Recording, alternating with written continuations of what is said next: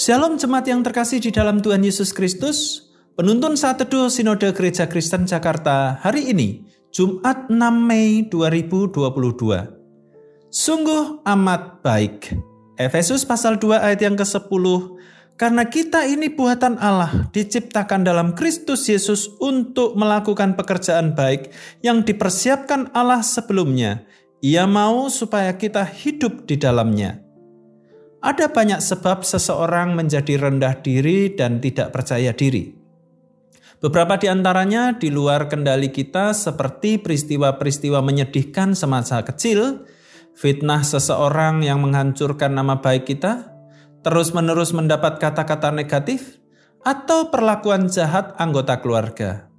Itu semua bukan hal yang mudah diatasi, tetapi untuk bisa menghargai diri sendiri, kita harus melihat diri kita dari mata Tuhan. Kita tidak hanya diciptakan Tuhan, tetapi kita telah tercipta kembali di dalam Kristus Yesus. Kita adalah mahakarya Tuhan yang sangat berharga. Mungkin ada orang-orang yang kerap merendahkan karena kekurangan-kekurangan kita dalam hal tertentu Mungkin mereka selalu mengungkit masa lalu kita yang buruk.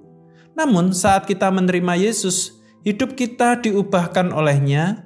Karena anugerahnya kita diselamatkan, ayat yang kelima. Kita diselamatkan bukan karena hasil usaha kita, melainkan karena pemberian Tuhan. Yesus sudah rela mati untuk menebus segala dosa kita.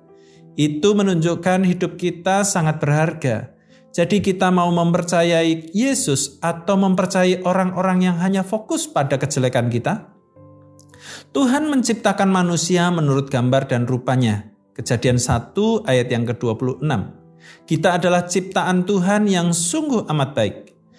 Tuhan menciptakan manusia untuk satu tujuan, mencerminkan dirinya.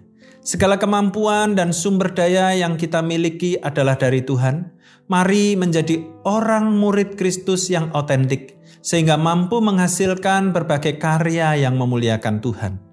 Kita adalah ciptaan Tuhan yang sungguh amat baik. Selamat beraktivitas, Tuhan Yesus memberkati.